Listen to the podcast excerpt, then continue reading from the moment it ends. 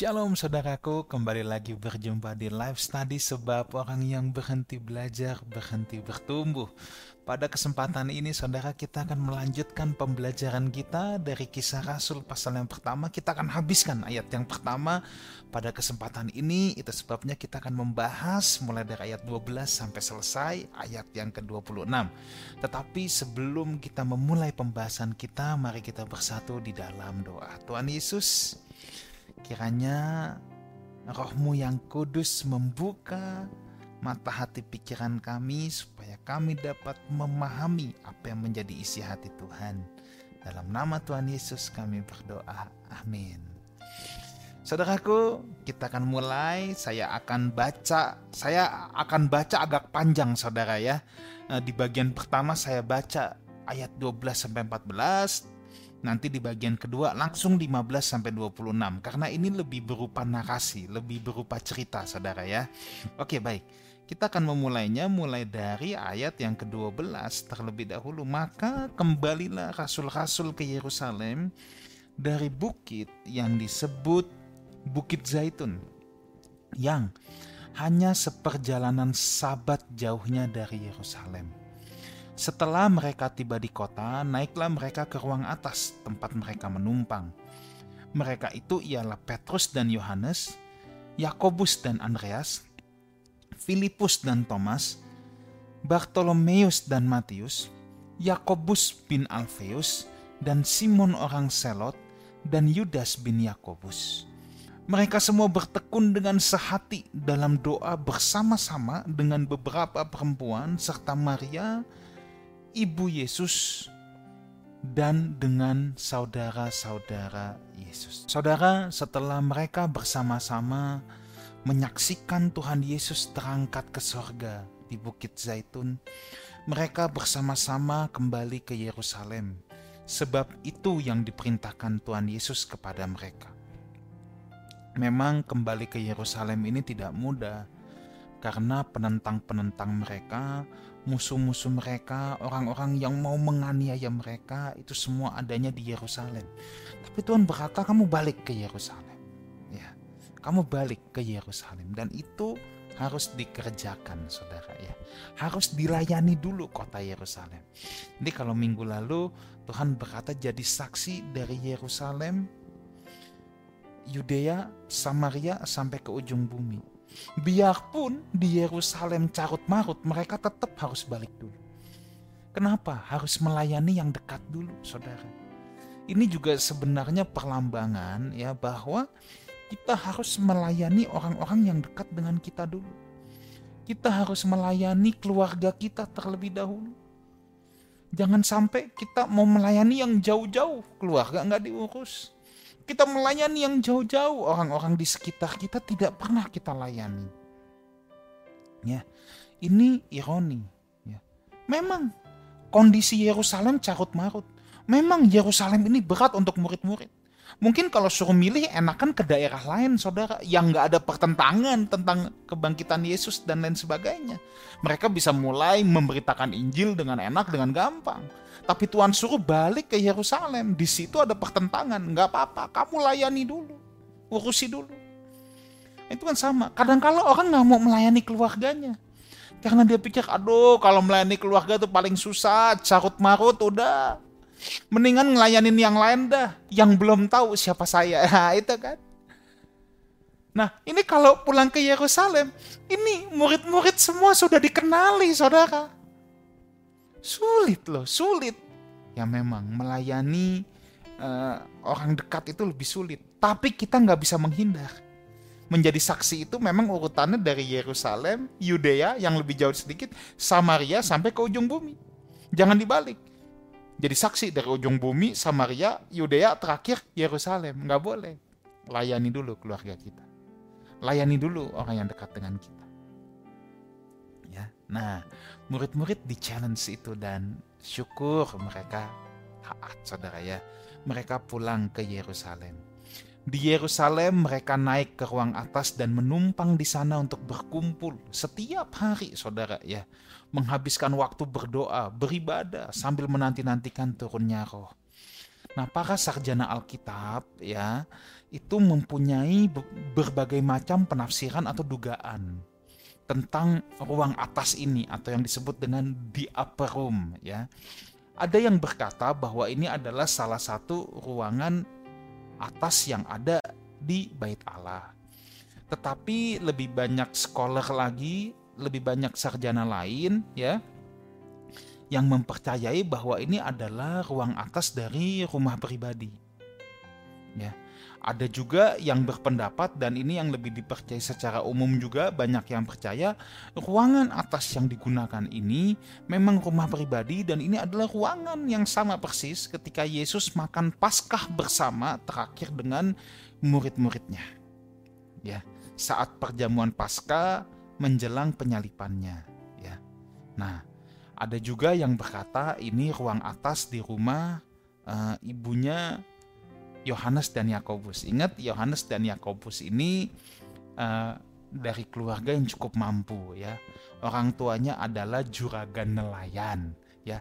Yohanes Yakobus ini bukan nelayan upahan tapi ini bosnya nelayan. Papanya ini bosnya nelayan. Itu bisa kita lihat di Injil Markus pasal yang pertama bahwa papanya punya orang-orang upahan.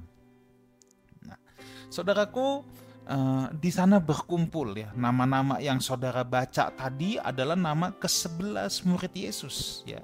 Jumlahnya tinggal 11 minus satu Yudas Iskariot yang telah mati bunuh diri ya semuanya komplit berkumpul di sana. Ada juga beberapa perempuan yang biasa mengiringi Tuhan Yesus seperti Maria Magdalena, Maria ibu Yesus di sana, dan saudara-saudara Tuhan Yesus. Ini anak-anak kandung Maria ya. Jadi adik Tuhan Yesus ya juga ada di situ ya. Nah, saudaraku eh, di sini kita bisa melihat bahwa Thomas yang tadinya ragu juga kali ini sudah komitmen nggak mau ninggalin temen-temennya lagi. Dulu kan setelah kebangkitan dia hilang nggak tahu ke mana.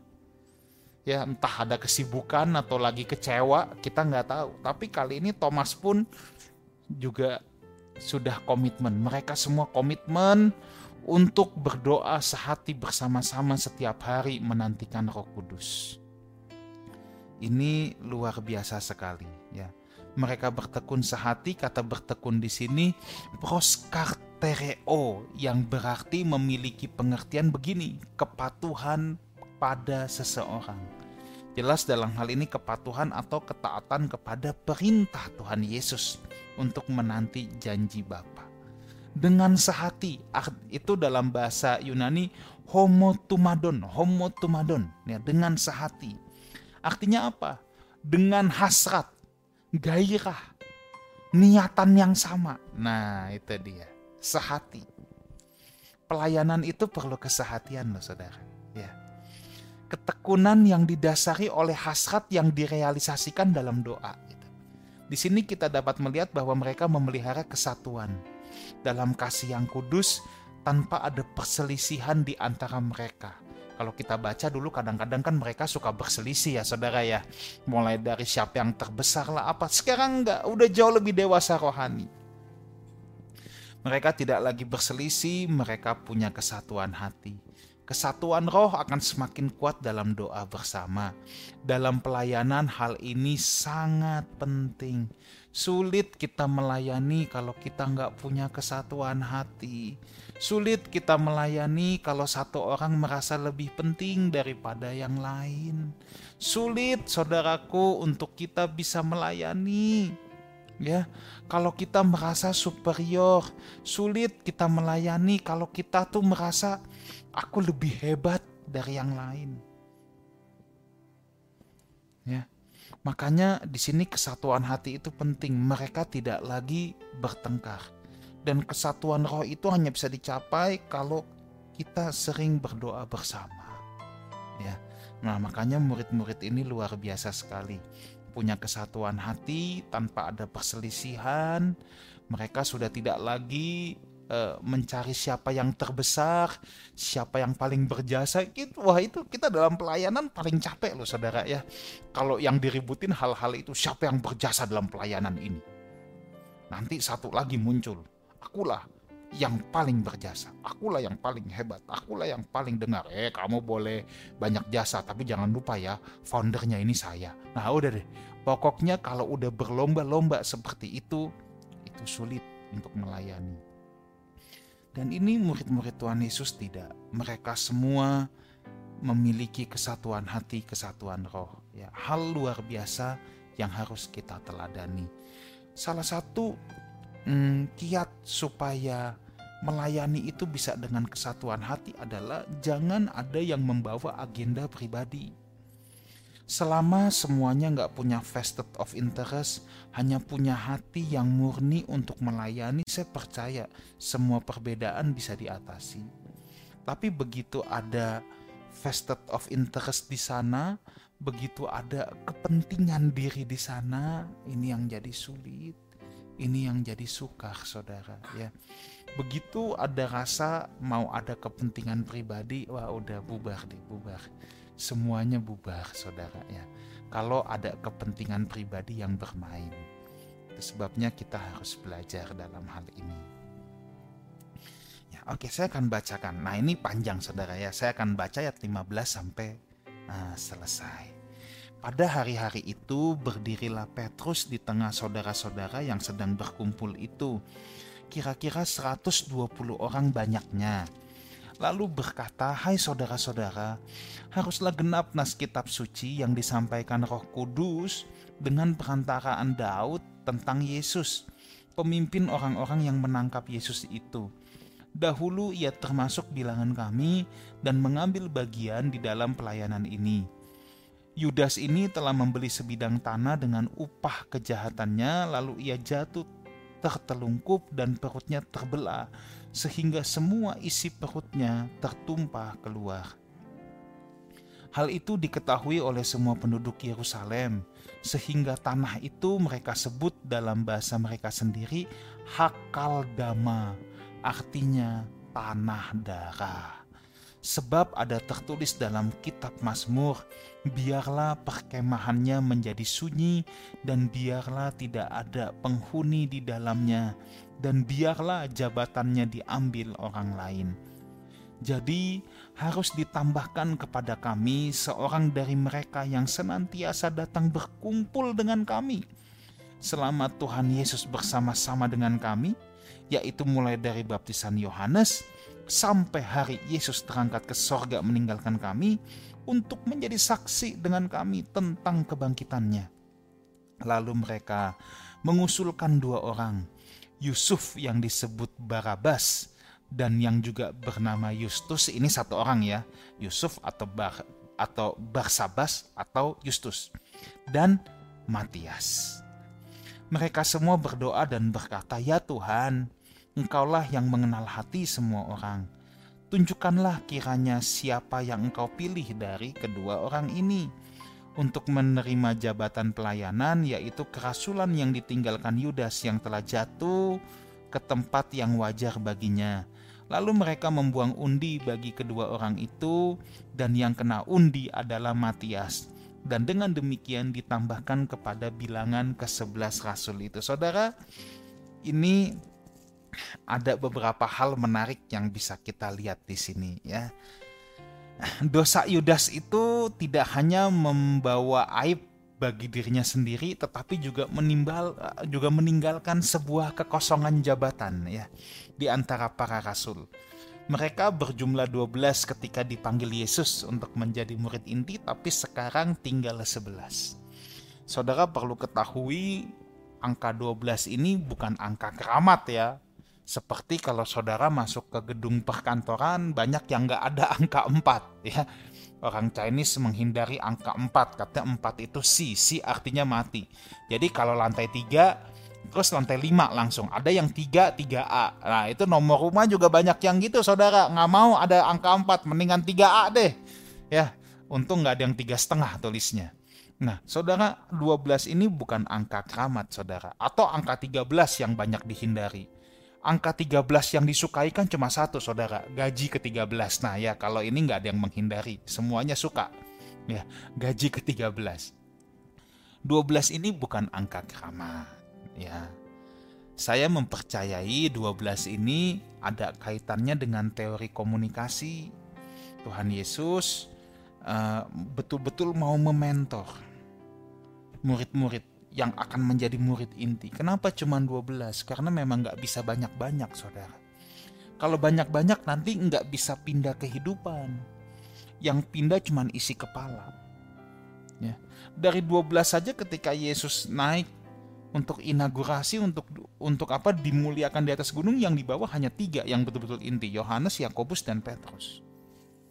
Nah ini nih menggambarkan bahwa memang mentoring itu hanya bisa terjadi di kelompok kecil.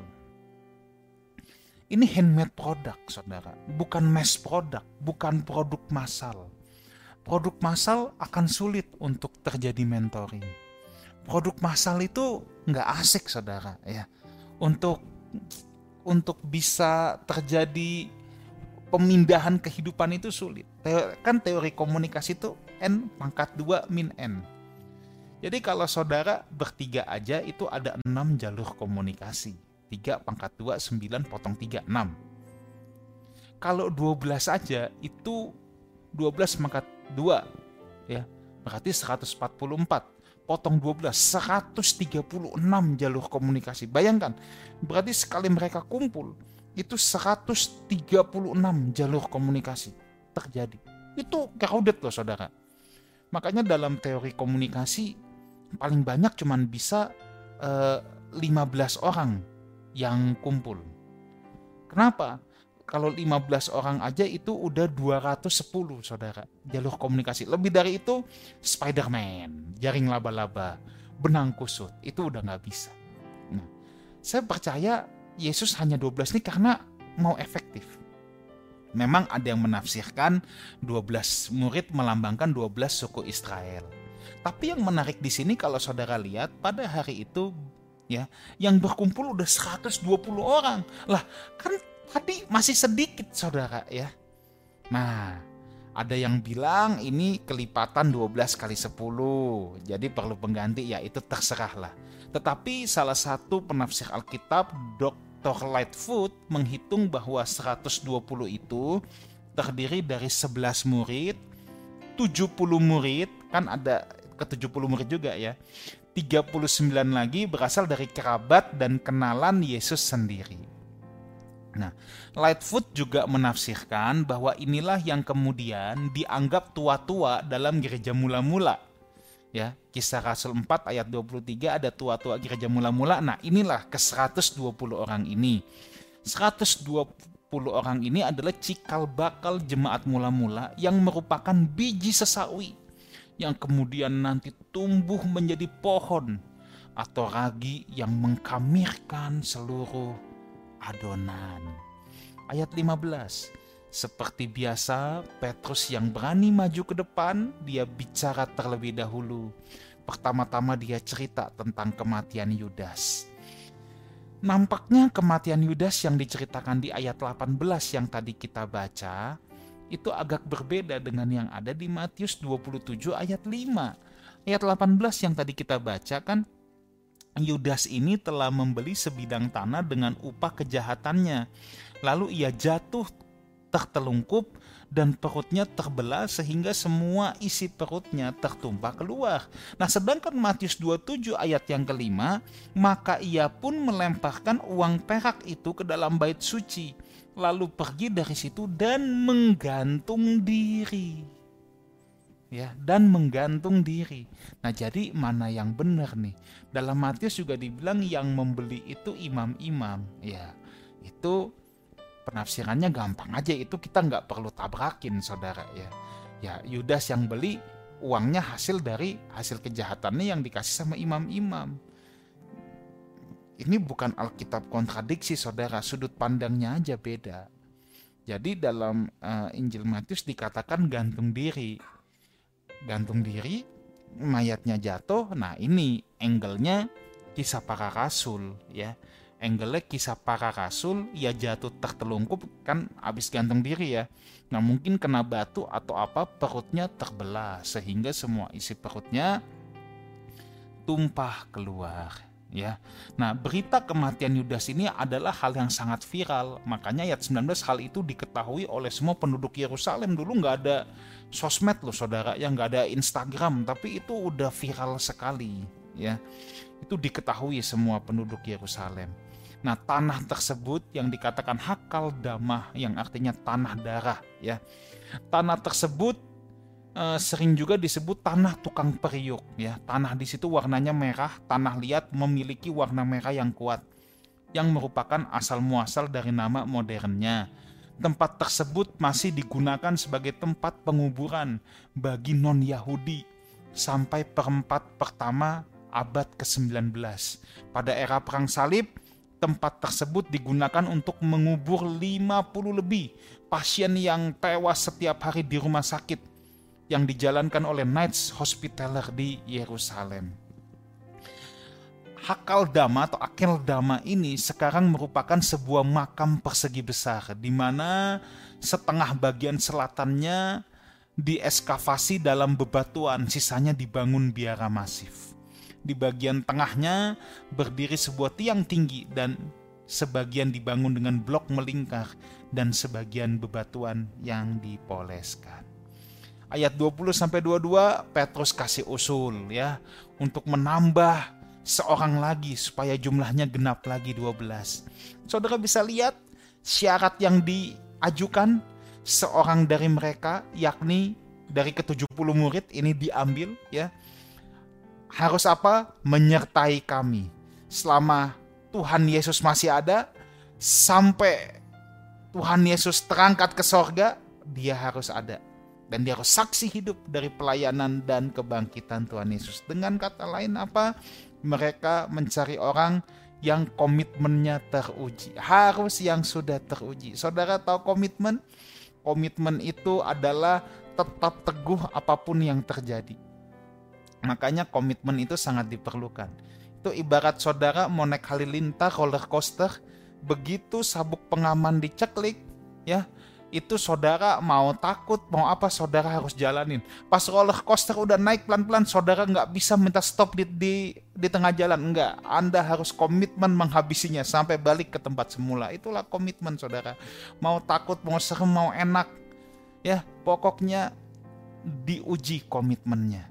Nah, di sini kita melihat ya bahwa penunjukan apalagi di posisi penting dalam pelayanan itu tidak bisa sembarangan saudara ya. Harus orang yang betul-betul sudah teruji secara rohani, secara kedalaman rohani. Kalau enggak repot saudara ya.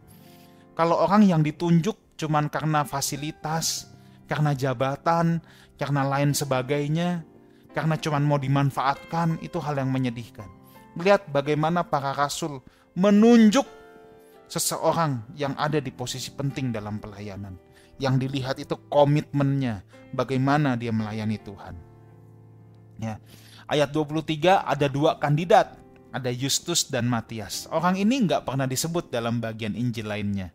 Tapi nama Justus itu rupanya disebut Paulus dalam Kolose 4 ayat 11.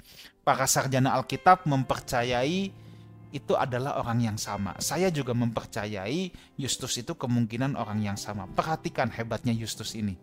Sekalipun Justus tidak terpilih jadi anggota ke-12 rasul, tapi dia tetap melayani pada akhirnya. Memang saudara, komitmennya teruji, karakternya teruji. Ia bukan seorang pencari jabatan. Ada banyak orang kalau nggak kepilih ngambek langsung keluar. Kalau nggak kepilih ngambek langsung protes, langsung ngamuk pelayanan lagi. Justus tidak seperti itu. Ya, bagian terakhir mereka serius meminta petunjuk Tuhan, memilih siapa yang menjadi pengganti Yudas. Mereka berdoa dengan sungguh-sungguh, saudara. Nah, tapi masalahnya di sini. Ayat 26, akhirnya undi dibuang.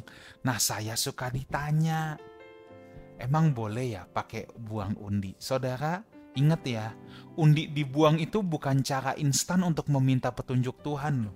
Ini bukan di kuburan yang orang pakai apa keprok-keprok gitu. Buang itu buat nanya enggak, Saudara. Saudara harus lihat tuh begini, Amsal 16 ayat 33 berkata begini ya.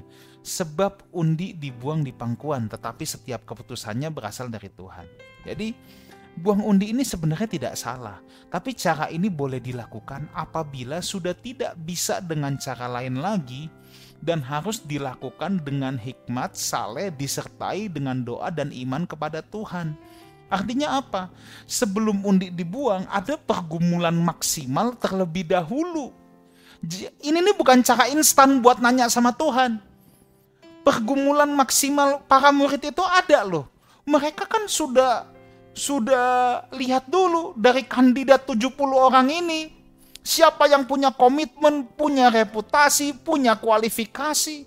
Bukan asal langsung pakai undi gampang enggak ada pergumulan maksimal dulu makanya saya katakan ini bukan cara instan cara ini hanya boleh dilakukan kalau udah ada prosedurnya dulu di awal secara maksimal lalu memang sudah tidak bisa lagi dengan cara lain nah dalam hal ini undi dibuang mungkin saudara tanya kenapa nggak dua-duanya aja yang menjadi rasul ya itu kan ketetapan mereka tapi kita, kita juga bisa lihat Justus juga nggak menjadi persoalan ketika dia tidak terpilih.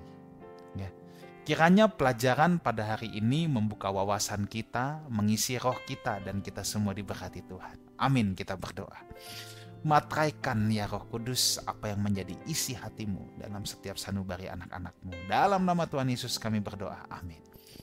Saudaraku, saya ingin berjumpa setiap saudara di ibadah raya Lifehouse Community Uang Plaza lantai 2 jam 10 pagi. Ya, jalan panjang Kafling 18 khususnya untuk saudara yang berdomisili di Jakarta Barat dan sekitarnya. Tuhan Yesus menyertai kita semua. Amin.